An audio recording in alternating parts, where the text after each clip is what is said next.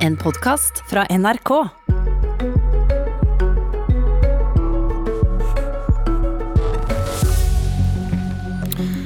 Hvem skal få hjelp hvis ikke alle kan reddes?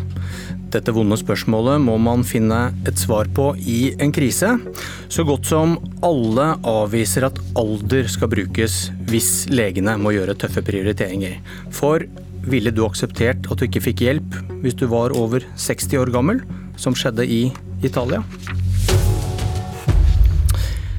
Helse- og omsorgsminister Bent Høie, velkommen til Politisk kvarter. Takk for det. Velkommen tilbake, får man nesten si. Ja, takk. Du, vi, vi avslutter uka i Politisk kvarter med å snakke om noen av de kanskje vanskeligste valgene i den krisa vi står oppe i. Eh, Og jeg hørte deg si i går om dette at norsk helsevesen egentlig er trent i dette.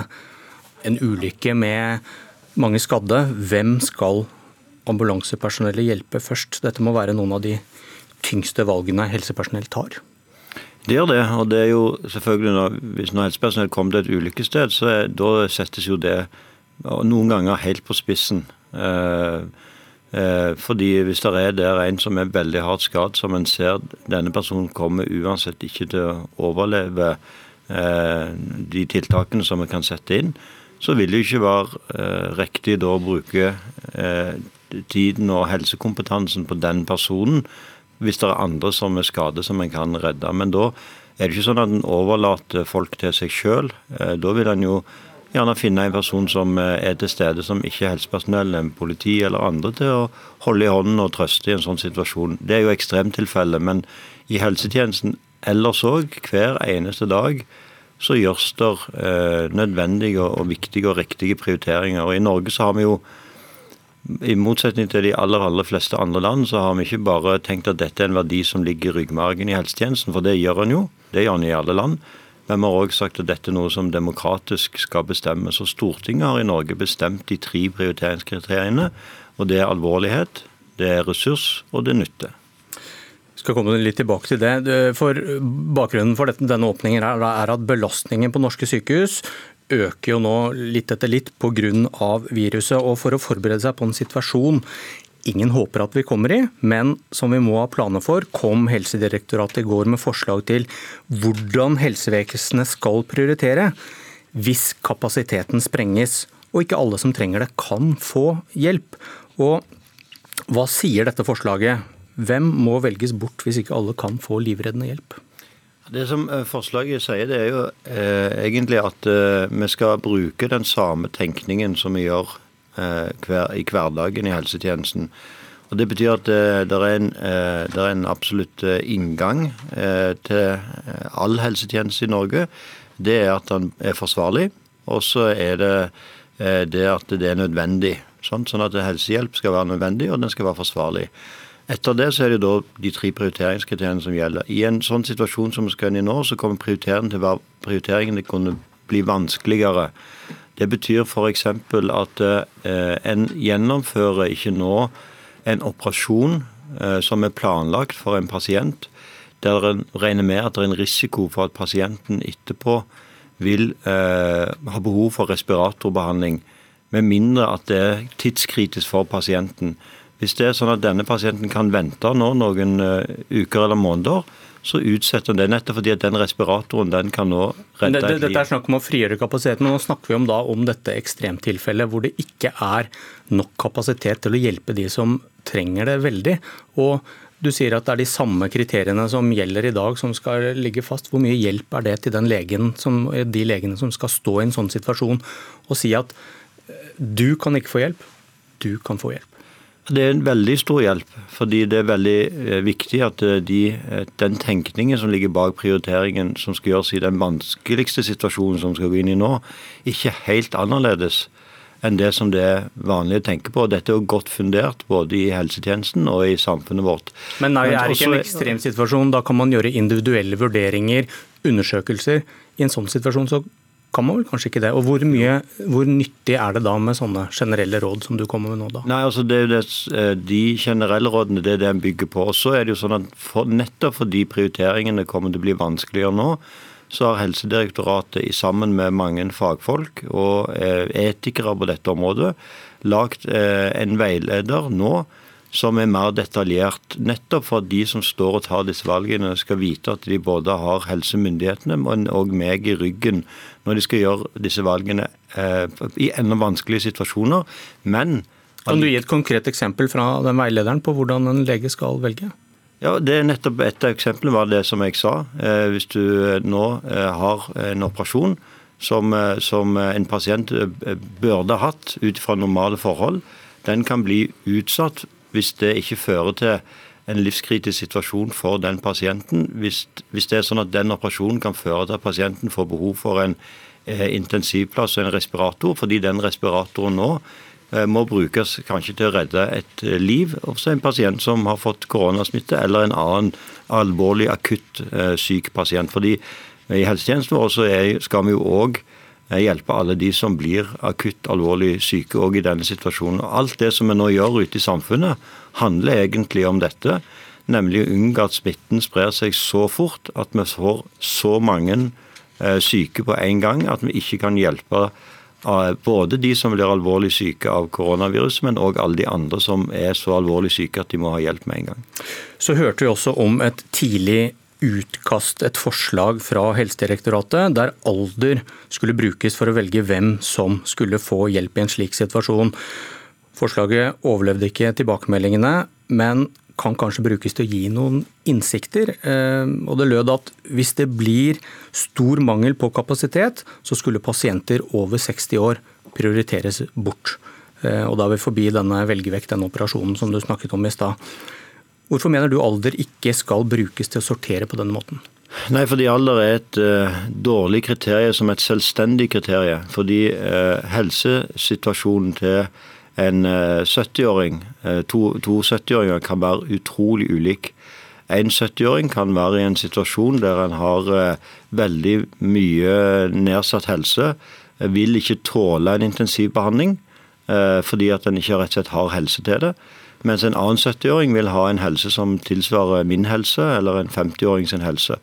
Eh, og Derfor har Stortinget vært veldig tydelig på, når vi har eh, diskutert disse, men òg alle rådene som vi har fått i forkant, utredningene som vi har hatt, helt siden den første lønningutredningen, at alder skal ikke Norge være et selvstendig kriterium. Hvorfor tror du da Helsedirektoratet foreslo dette? Det har jeg ingen eh, formeninger om, men eh, det er i hvert fall sånn at det, eh, når det da ble tatt opp med mange av de som jobber med disse spørsmålene til daglig, så forsvant det kriteriet som et selvstendig kriterium. Det var nettopp en av årsakene til at en først hadde en litt mindre gruppe som fikk komme med innspill på denne. Og så er det sånn at Den som kom ut i går, den er heller ikke ferdig. Nå får vi en bredere tilbakemelding i løpet av helga på den. Og så blir den òg justert i begynnelsen av neste uke. Nettopp for å fange opp eh, synspunkter og innvendinger her som er viktige. Nå var innvendingene i stor grad at dette vil ikke bli forstått og akseptert i befolkningen, hvis man skulle skille på 60 år f.eks. Men hvorfor skulle Helsedirektoratet foreslå noe de ikke mente var nødvendig i en slik krisesituasjon der mange må velges bort på kort tid, hvis vi kommer dit? Ja, Det vet jeg ikke, men uansett så hadde ikke det eh, kommet forbi. meg. Er ikke det helt sentralt for å avvise forslaget at dette trenger vi ikke. Vi trenger ikke dette grepet. Nei, det er feil grep. Eh, det er det som er hele poenget. Eh, og jeg mener at det handler ikke bare om at det ikke vil bli, befort, be, be, bli eh, forstått i befolkningen. Dette er noe som vi har diskutert i Norge ved fire offentlige utredninger, som alle har landa på at de i all hovedsak de tre opprinnelige kriteriene som det første lønningutvalget foreslo, som jeg sa, ressurs, alvorlighet og, og nytte, eh, de står seg veldig godt. og I alle de fire utredningene så har han konkludert med at alder ikke er et egnet selvstendig kriterium. Så dette ikke bare, handler ikke bare om forståelse i befolkningen, det handler òg om hva som faktisk er faglig og etisk riktig. Hva tenker du om at Italia har gjort det? De har eh, kommet inn i en ekstremsituasjon i en mye mer uforberedt Eh, enn det vi har gjort. Men det er planer for en ekstremsituasjon vi snakker ja, om nå? Men, men det er nettopp det som er forskjellen. Norge har hatt muligheten til å planlegge for en vanskeligere situasjon enn det vi nå. For det andre, som jeg sa, Norge har, hatt, har en mye lengre tradisjon enn veldig mange andre land med å ha en offentlig debatt og demokratisk forankring av våre prioriteringskriterier. Det er en styrke i det som vi nå skal gjennom. Fordi de som står ute i sykehusene nå, våre nå, de vet at når de følger disse prioriteringskriteriene, så gjør de ikke det bare fordi det er lang tradisjon i helsetjenesten å gjøre det. De gjør det òg fordi de har både regjeringen og et, et, storting i ryggen på at dette er de riktige kriteriene som skal legges til grunn. Var det du som stanset det? Nei, eh, dette ble stoppet av eh, gjennom den eh, høringen som var mot eh, eh, Legeforeningen og andre som hadde kommet med sine, sine, innspill. og Det viser bare at dette var noe som, som var ikke en del av måten som en tenker på i helsetjenesten, og derfor ble det endra. Hva tenker du om at ledelsen i Helsedirektoratet ikke visste om dette utkastet? Det sa assisterende helsedirektør Nakstad i går.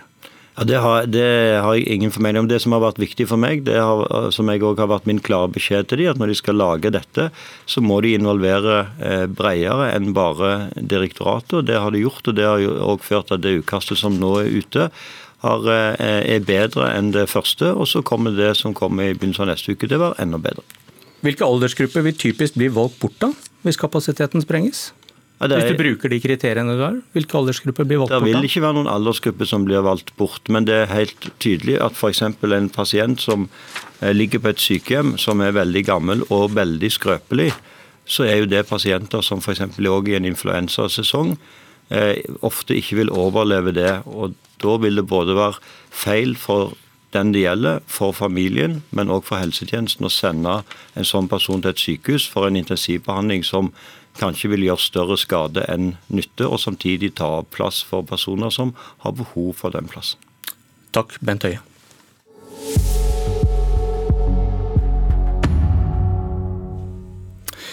Regjeringen kommer med krisepakker nesten hver dag etter tøffe runder i Stortinget.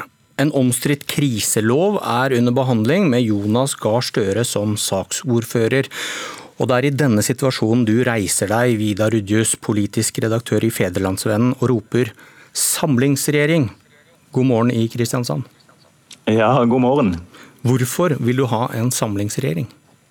Fordi at vi nå er i en ekstrem situasjon, den mest ekstreme siden andre verdenskrig. Eh, helsemessig, når det gjelder restriktive tiltak som rammer oss alle. Eh, økonomisk, eh, masseledighet står for døra sannsynligvis. Også da politisk, som du sier, ved at regjeringen da ber om fullmaktslover. Det vil si at vi er i en unntakstilstand, også politisk, og da mener jeg det er behov for et nytt og samlende lederskap i Norge. Hvordan skal den se ut?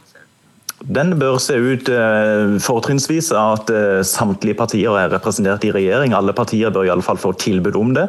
Eh, og Det vil også gi en enorm symboleffekt ut til folk flest, ved at politikerne da i praksis viser at ja, situasjonen er faktisk så alvorlig som vi sier at den er, og vi er beredt til å ta ansvar sammen i disse ukene, månedene som denne krisa varer. Og Hvorfor kommer dette ikke til å skje? Det er, jo, eh, det er, jo, lett å tenke at dette er urealistisk, men det burde jo ikke være det. For det er ikke mange uker siden et parti gikk ut av regjering pga. hjemhenting av en familie fra Midtøsten. og Da bør det i høy grad være mulig for partier å gå inn i en regjering for å håndtere den største krisa siden andre verdenskrig, tenker jeg iallfall. Er det ikke et paradoks at dette kommer fra en pressemann som lever av et åpent ordskifte? Den demokratiske debatten fordufter med en samlingsregjering, gjør den ikke det? Nei, det tror jeg ikke. De politiske partiene vil fremdeles være politiske partier. Vi vil fremdeles ha Stortinget. Eh, og jeg tenker Dette vil være et langt bedre alternativ enn f.eks. den fullmaktsloven som, eh, som, skal behandles i Stortinget inn mot, eh, mot helga, hvor en mindretallsregjering da får store rettigheter på bekostning av Stortinget. Og Hvis du likevel vil ha sånne fullmaktslover, så vil det da være langt bedre også legitimitetsmessig hvis du da har en regjering som får større makt, men som da representerer hele folket. Men øker ikke sjansen for maktovergrep hvis det ikke er en opposisjon? Nei, Da vil du flytte de eh, diskusjonene inn i regjering. Og de som etterlyser mer effektiv eh, regjeringsutøvelse, mer effektiv maktutøvelse, de vil da ha eh, alle de relevante aktørene til stede i regjeringa som da diskuterer. og Diskusjonene skal i høy grad, og vil i høy grad også foregå i det offentlige rom. Men du vil vise folk flest at dette er et samla lederskap som i denne krisesituasjonen står sammen om det aller viktigste. Eller som Erna Solberg også sa, at det er langt mer som, som samler samler oss enn som skiller oss. Du, lykke til med kampanjen. Takk. Dette var eh, ukas siste Politisk kvarter, men Nyhetsmorgen fortsetter etter Dagsnytt. Jeg heter Bjørn Myklebøst.